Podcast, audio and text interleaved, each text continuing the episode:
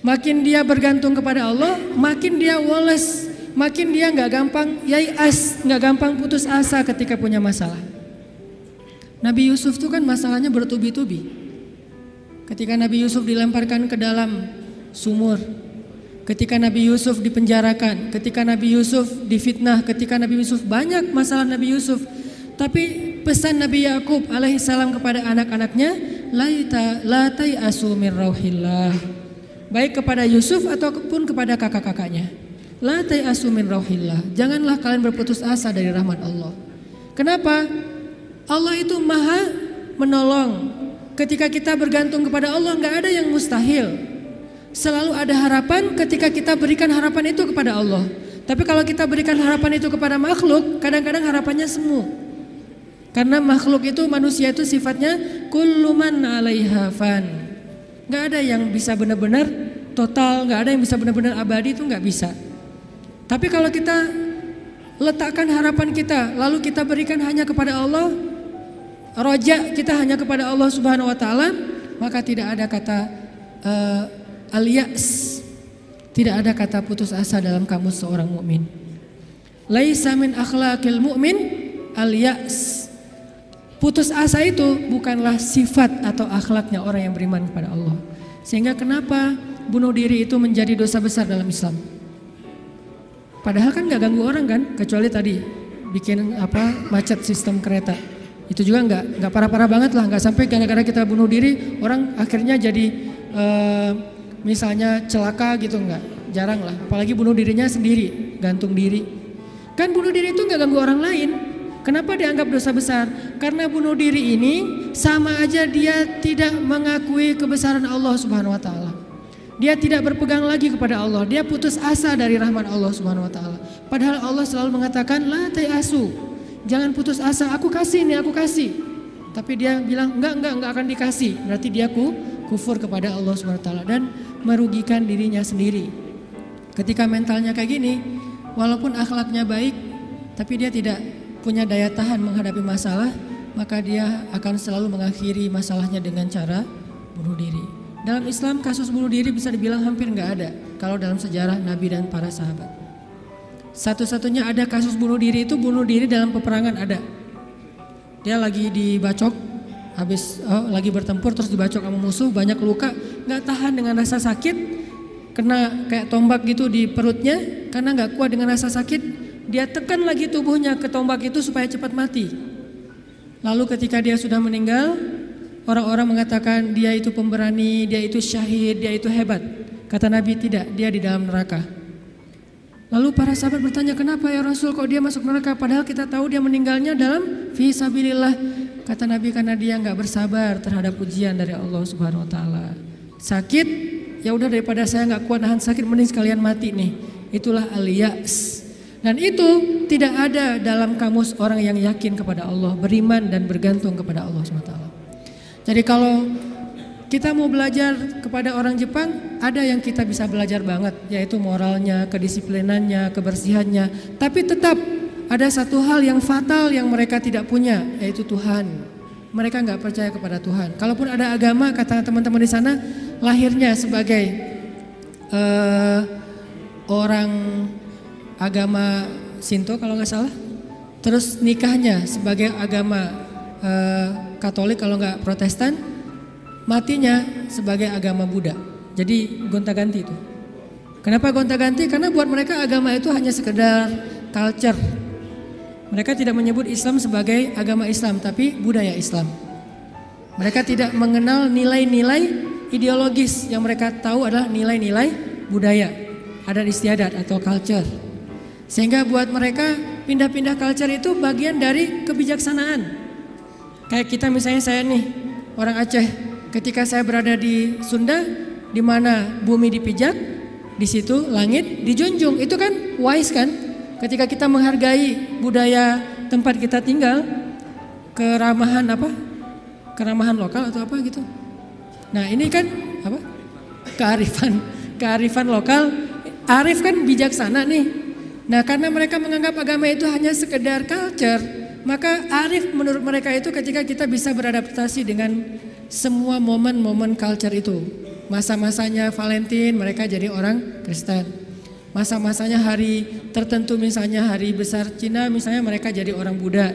Masa-masa tertentu mereka jadi orang Sinto dan segala macam. Yang nggak ada menjadi orang Muslim. Jadi karena nggak bisa dimix nih, satu-satunya yang nggak bisa dimix menurut mereka cuma culture Islam. Yang lain bisa dimix, culture Islam nggak bisa dimix sama mereka sehingga nggak bersentuhan langsung. Ini artinya mereka melihat semua itu hanya sekedar moralitas, bukan sebuah nilai ideologis yang menguatkan mental, bukan. Sekedar moralitas. Culture Islam moralitas, culture yang agama-agama lain yang kita sebut itu moralitas, termasuk culture Jepang itu adalah moralitas. Tapi mentalnya lemah, sehingga ketika mereka punya masalah dalam dirinya, mereka nggak punya pertahanan sama sekali. Sedangkan kita melihat ad-din, melihat Islam adalah sebuah nilai yang membangun mentalitas kita. Hanya ke akhir-akhir ini kita cenderung melihat Islam itu hanya sebagai undang-undang, sebagai syariat, sehingga orang takut sama Islam. Seolah-olah kalau kita mau menegakkan Islam, yang kepikiran itu cuma kisos, yang kepikiran itu cuma cambuk. Padahal Nabi menerapkan itu juga akhir-akhir setelah mentalitasnya udah udah mantep nih. Setelah pemahaman agamanya udah komprehensif, setelah diedukasi, baru kemudian penutupnya adalah menyempurnakan keadilan dengan cara menegakkan hukum. Kalau ada orang yang bilang misalnya, ngapain sih Tuhan katanya pengasih tapi kok menciptakan neraka? Sebetulnya jawabannya logis banget dan sederhana kan? Karena tanpa ada surga neraka tidak ada keadilan.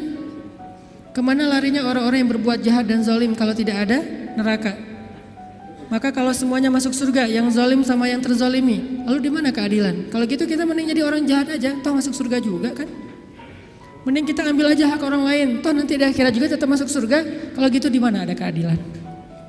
Keadilan Allah itu justru menciptakan surga dan neraka. Cuman pintu surga lebih banyak daripada pintu neraka. Dan Allah selalu memberikan peluang untuk selamat dari api neraka dengan cara mengampuni dosa. Allah maha adil. Allah nggak mengatakan kalau udah cap neraka udah nggak akan lagi berubah. Enggak. Kalau kamu buat dosa sekali nggak akan diampuni, pasti masuk neraka. Enggak. Di situlah maha rahman. Selain Allah adil, Allah juga rahim, rahman, rauf, apalagi.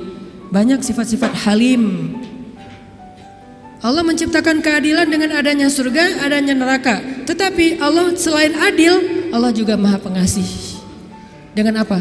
Kalau ada yang berbuat dosa, nggak langsung dihukum sama Allah. Kita sering buat dosa, emangnya langsung dihukum? Enggak. Kadang-kadang memang Allah langsung negur, tapi bukan hukuman. Karena kalau dihukum harusnya lebih dari itu. Kalau ditegur, karena kadang-kadang kita nggak sadar dengan cara-cara yang baik. Allah kasih sedikit, ada cemeti sedikit biar kita dicambuk sedikit, ditoel dikit ya biar kita sadar. Supaya apa? Biar kita sadar, biar dengan kesadaran itu kita menjadi lebih baik, lebih bermanfaat, lebih berkualitas hidupnya. Allah nggak langsung menghukum kita. Kalau Allah mau menghukum kita dengan dosa kita, kayaknya kita nggak ada yang berada di sini sekarang ini. Udah celaka dari dulu-dulu juga. Sekali kita minum, sekali kita narkoba, sekali kita berzina, sekali kita membunuh, sekali kita mengambil hak orang lain, udah langsung celaka. Kenapa masih bisa hidup? Kenapa masih bisa berada di masjid? Dan ini keistimewaan yang Allah kasih kepada kita. Orang yang sering nyakitin Allah masih diundang ke rumah Allah kan Allah baik banget tuh. Coba kita, ada yang sering nyakitin kita, mau diundang ke rumah kita? Di telepon aja kita reject reject terus kalau perlu di blok nggak bisa nelpon lagi, unfollow segala macam, left group. Allah kita sakitin berkali-kali, kita cuekin, kita selingkuhin dalam bahasa kita mah ya. Gimana selingkuhin? Selingkuhin akidah. Kita bilang percaya sama Allah tapi kita jalan sama yang lain. Kita bilang inna solati wa nusuki wa mahyaya wa mamati lillahi rabbil alamin. Itu kan sama aja kayak seorang cowok bilang ke cewek, "Eh aku nggak bisa hidup tanpa kamu." Iya, kamu kan gitu. Inna solati wa nusuki wa mahyaya wa mamati lillah. Iya, lillah gitu kan. Tapi kenyataannya kita merasa seolah-olah Allah nggak lihat kita jalan sama yang lain. Allah tahu, tahu banget. Kalau perempuan mungkin nggak tahu kita jalan sama yang lain. Ketika nanti dia tahu, akhirnya dia shock, panik, dia wah luar biasa tersakiti. Tapi kalau Allah, setiap kita jalan sama yang lain tuh Allah ngelihat. Kita dekat sama yang lain, ke Allahnya enggak. Lah, yang kasih rezeki kan saya. Kenapa kamu terima kasihnya ke dia? Yang memelihara kamu kan saya. Kenapa kamu baiknya ke dia? Kok saya enggak? Berbuat baik kepada hamba Allah, Allah senang. Tapi kenapa kepada Allah enggak? Ini agak-agak kurang fair nih. Ke makhluk yang gak berjasa kita jadi baik. ke Allah yang maha berjasa, kita cuek. Malah kita menuduh Allah dengan tuduhan-tuduhan yang gak pantas. Ngerasa Allah gak penting dalam hidup kita. Kalau Allah gak sabar, makanya Allah itu sabur. Apa arti sabur? Sabar banget. Allah itu sami. Apa arti sami? Dengar curhat banget lah. Kita pasti nggak kuat dengar curhat apa teman-teman kita. Bayangin kalau yang curhat ke kita itu ada puluhan orang kan stres juga tuh setiap hari. Allah dicurhatin miliaran orang setiap hari coba. Bukan miliaran orang, miliaran makhluk, semuanya curhat kepada Allah. Yas'aluhu man fis samawati wal ard. Semua yang ada di langit dan di bumi curhat kepada Allah. Tapi Allah mendengar semua curhat mereka seolah-olah mereka itu cuma satu orang doang gitu. Dan baru pertama kali curhat akhirnya Allah mendengarnya tuh sami'un. Betah banget ngedengerin curhatnya. Betah banget Allah dengar curhat kita nggak pernah. Kan kamu udah kemarin curhat giliran atau dengan yang lain? Enggak kan? Kita berdoa setiap hari kan udah kemarin giliran soalnya yang berdoa itu eh, banyak loh. Kita di DM aja, di Japri aja kadang-kadang bete juga nih kalau udah dijawab sekali terus ditanya lagi nanya lagi karena banyak banget yang bertanya. Kan agak capek tuh makhluk. Makanya kita nggak disebut sami'ut. Tapi kita sami'un. Allah sami'un, kita sami'un. Apa bedanya? Kalau sami'un senang mendengar, tapi tetap ada batasnya. Kalau sami'un pendengar banget, betah banget ngedengerin, nggak ada batasnya, nggak pernah Allah capek mendengar curhat kita. Lagian kadang-kadang kita yang dicurhatin ke Allah itu masalahnya itu itu juga belum selesai. Allah nggak pernah bilang belum selesai juga masalah yang kemarin, nggak pernah Allah ngomong gitu. Kayak berlarut-larut kamu teh masalah nggak beres-beres, Allah nggak pernah ngomong kayak gitu kan? Tetap aja hambaku ada apa, Allah mendengar dan bukan cuma mendengar, Allah yang ngedatangin kita ke langit dunia, setiap sepertiga malam, terus Allah bertanya, hal min hajah? Ada nggak di antara hambaku yang butuh sesuatu? Sini, sini, sini. Hal min taib? Adakah di antara hambaku yang pengen taubat? Sini aku terima taubatnya. Hal min mustaghfir? Adakah di antara hambaku yang pengen minta ampun? Sini aku ampuni dosanya. Allah datangin kita, Allah nawarin jasa kepada kita. Masih kita bilang juga Allah nggak berjasa dalam hidup kita? Masih kita bilang kita nggak butuh Allah Subhanahu Wa Taala? Fabi ayya ala rabbikuma tukadziban. Jadi teman-teman, ada orang kadang dalam kehidupan kita itu berjasa banget sampai kita nggak bisa ngelupain dia. Salah satunya dalam hidup saya misalnya yang paling berjasa itu ibu nomor satu pastinya ya. Kedua istri. Orangnya ada soalnya di sini. Ibu, istri, kalau selain keluarga, oke okay, itu keluarga. Selain keluarga, siapa yang paling berjasa? Dalam hidup saya itu salah satu yang cukup banyak ngebantu saya itu adalah salah satunya nih. Ada saudara saya, Ustadz Muhtarom namanya, dosen Unpad, tinggal di Antapani. Beliau yang pertama banget nampung saya ketika saya baru hijrah ke Bandung. Ketika saya nggak tahu tinggal di mana, nggak punya rumah kontrakan, kontrak juga nggak nggak bisa. Beliau nampung saya tinggal di rumah beliau beberapa lama di Antapani Beliau kenal-kenalin saya dengan ibu-ibu Masjid Salim. Nih dari Mesir nih, mau nggak dengerin ceramahnya? Enak loh, padahal saya juga masih bingung ceramahnya gimana ya. Nggak pernah ceramah. Sekali-kali ceramah yang kebalik kan Allah Shallallahu Alaihi Wasallam, Rasulullah Subhanahu Wa Taala. Sekali-kalinya ceramah kebalik saking nervousnya. Disuruh ceramah sama Ustaz Muhtaram ini ceramah. Akhirnya ibu-ibu ngundang-undang saya awal-awal dikenalin di Bandung. Berjasa banget. Sehingga kalau misalnya beliau miss call, nggak keangkat sama saya, langsung saya telepon balik. Kalau beliau SMS, langsung saya read, langsung typing, langsung bales. Kenapa? Karena saya merasa beliau berjasa dalam hidup saya. Adakah yang lebih berjasa dalam hidup kita daripada Allah Subhanahu wa taala? Toh beliau juga hamba Allah, Allah yang mengirim beliau untuk saya. Allah yang mengirim ibunda untuk saya, Allah yang mengirim istri saya untuk saya. Kalau Allah nggak kirim istri saya buat saya, nggak mungkin saya bisa nikah sama dia. Kan saya sering cerita, saya bukan tipe dia banget. Empat pantangan pada diri dia tuh ada di saya. Ya Allah jangan itu, jangan itu, jangan itu, jangan itu. Itu ada di saya semuanya. Coba kalau Allah nggak membolak balikan hati dia, mana mungkin saya nikah sama dia kan? Kayak mustahil gitu, karena bukan tipe dia banget. Ya Allah jangan yang orang Sumatera, jangan brewokan, jangan yang dop. Udah dop, brewokan pula. Jangan anak pesantren, karena mungkin uh, beda apa kebiasaannya terlalu soleh kali menurut dia gitu ya. Empat-empatnya ada pada diri saya terutama yang Dop dan Sumatera nih. orang Sumatera kuliah di Mesir dan Mesir mah Sumateranya Arab. Arab itu kayak kita, ada Sundanya, ada Jawanya, ada Betawinya, ada Sumateranya. Mesir itu Sumateranya Arab. Di Mesir tuh nggak ada cerita kita nungguin nungguin bus di halte tuh nggak ada. Yang ada ngejar bus. Bus tuh nggak pernah berhenti untuk ngangkat apa ngangkut penumpang nggak ada tuh. Bus ngelihat kita lagi nungguin malah dia iseng, makin dicepetin. Akhirnya kita kejar, wah, koboi banget lah kehidupan di Mesir mah. Dia cuma berhenti kalau yang nungguin itu ibu-ibu. Kenapa? Karena ibu-ibu di Mesir itu raja. Gak ada yang berani sama ibu-ibu. benar-benar queen tuh kalau ibu-ibu teh. Di Mesir ibu-ibu belanja nih ya. Uh, mang, eh mang, apa bahasa Arabnya? Gitulah pokoknya. Mang, itu saya pengen ikan gitu ya. Oh iya ya. Pas diambil ternyata ikannya matanya agak-agak merah gitu, mungkin agak-agak lama di freezer. Akhirnya bilang, ini kenapa nih ikan matanya merah? Begadang ya? Nggak jadi deh, malah saya mau ikan yang suka begadang, cari yang lain ganti lagi yang lain. Udang aja, udang ah baunya nggak enak, ganti lagi. Berkali-kali gonta-ganti, itu yang dagang ikan itu nggak boleh marah. Kenapa? Yang ngomong seorang perempuan. Dan di, di Mesir itu perempuan sangat dihormati, nggak boleh berdebat dengan perempuan aib. Debat dengan cewek itu aib. Kalau dimarahin cewek itu aib. Mending kita menghindar aja deh. Kalau kita naik bus, duduk nih, ibu-ibu naik harus berdiri. Kalau nggak berdiri itu dianggap aib, satu bus semuanya aib. Kalian laki-laki atau apa kalian teh? Ada perempuan masuk ke bus, kalian pada duduk cuek itu, malu-maluin kalau di Mesir. Sehingga kalau ada ibu-ibu naik ke dalam bus nih, cowok-cowok semuanya berdiri siap. Silahkan pilih kursi yang mana aja. Ibu-ibu boleh memilih.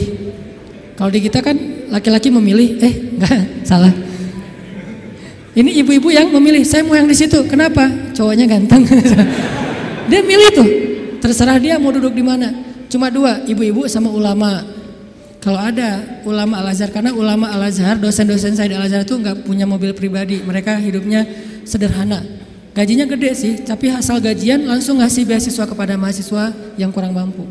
Kalau udah gajian tuh saya ngerasain sendiri nih, dia gajian ngambil di admin ya. Karena dulu nggak ada transfer-transferan, Mesir itu agak-agak terlalu ya gitulah manual ya, nggak ada transfer. Satu-satunya komputer di ruang admin tuh dipakai main kartu. Karena dia nggak ngerti sistem komputerisasi akun kayak gitu tuh apa uh, akuntan tuh nggak ngerti dia tuh. Tahu satu-satunya komputer dipakai main kartu.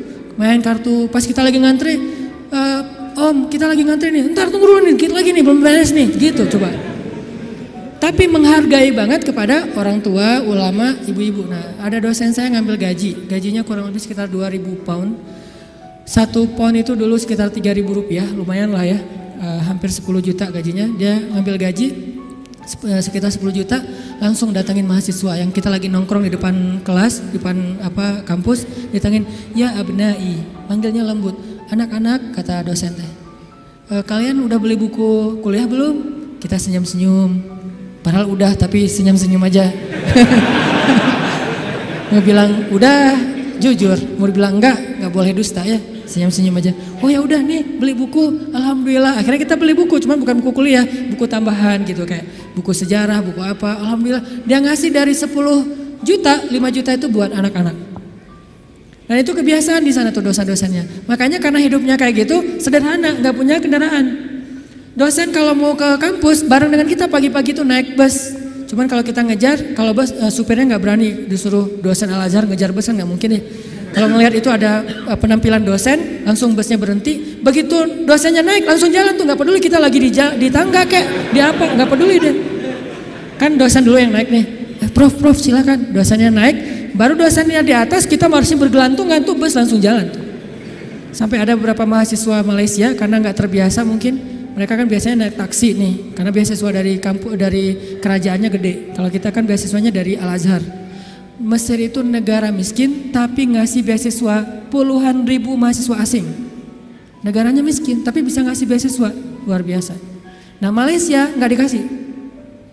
Negara yang tidak dikasih beasiswa di Asia itu Malaysia dan Brunei. Karena dianggap udah sejahtera. Akhirnya mereka terbiasa naik taksi nih. Begitu mahasiswa Malaysia sekali naik bus, nggak terbiasa naik bus ala-ala Mesir gitu. Turunnya membelakangi arah jalannya bus. Kebayang kan? Melundung gitu kan? Kita mahasiswa Indonesia ketawa-ketawa aja, wah lucu.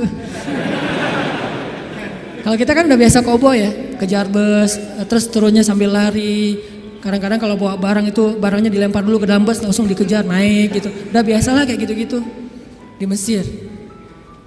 Tadi cerita apa tadi teh? Hubungannya ya gitulah nggak ada hubungannya. Pokoknya eh, balik lagi ke tema ya. Intinya ketahanan hati kita itu ketika kita dekat kepada Allah Subhanahu wa taala. Jadi nggak ada ceritanya dalam kamu seorang mukmin ada masalah baper udah gitu bunuh diri nggak ada. Tergantung tawakal kita kepada Allah. Coba rasa-rasain ketika kita lagi ngerasa enak nih hubungannya sama Allah.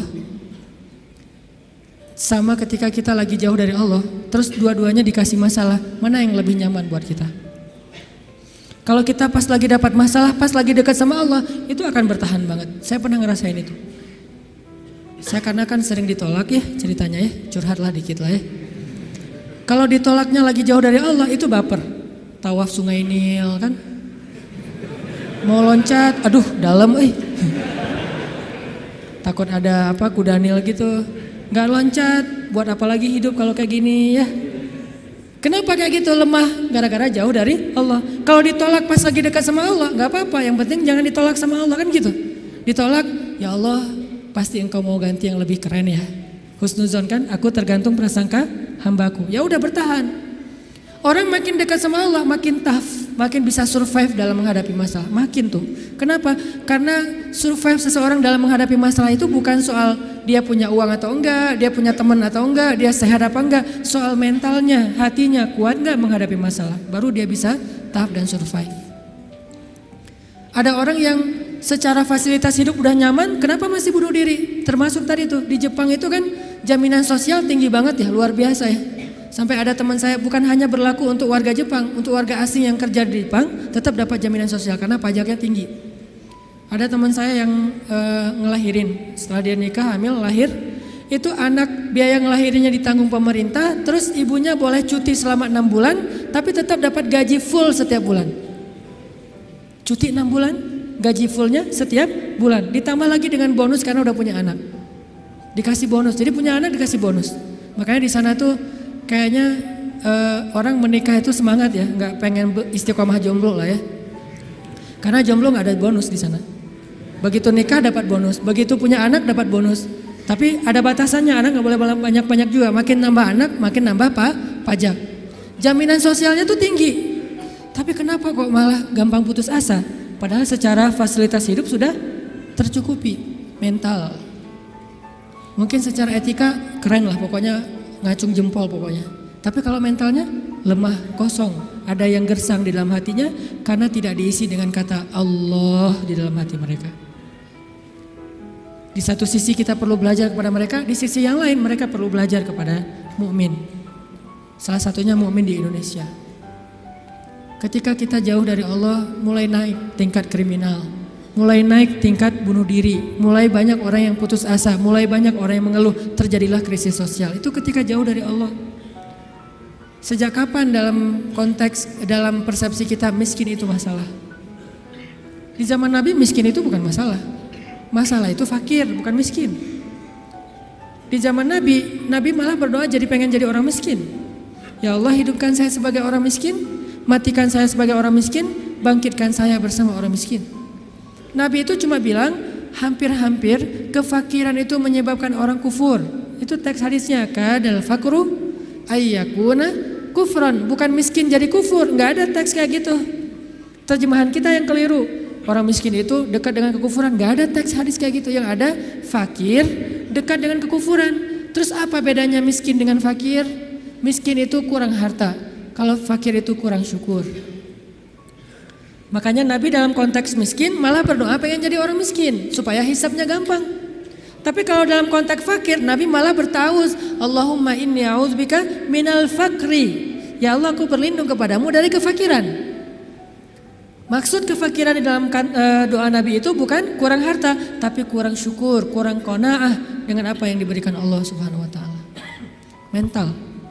Makanya Uh, salah satu misi Allah menurunkan Islam, mengutus Nabi Muhammad SAW itu adalah membangun mentalitas manusia yang kita sebut dengan mukmin muslim. Mentalnya yang dibangun sehingga dengan mental itu lahirlah kebaikan-kebaikan yang sifatnya moral, kebaikan yang sifatnya akhlak, kebaikan yang sifatnya ritual ibadah, tapi semuanya berawal dari mental. Termasuk sabar mental. Yang menyebabkan seseorang gak gampang panik mentalnya dan mental itu tergantung keyakinan dia kepada Allah Subhanahu wa taala.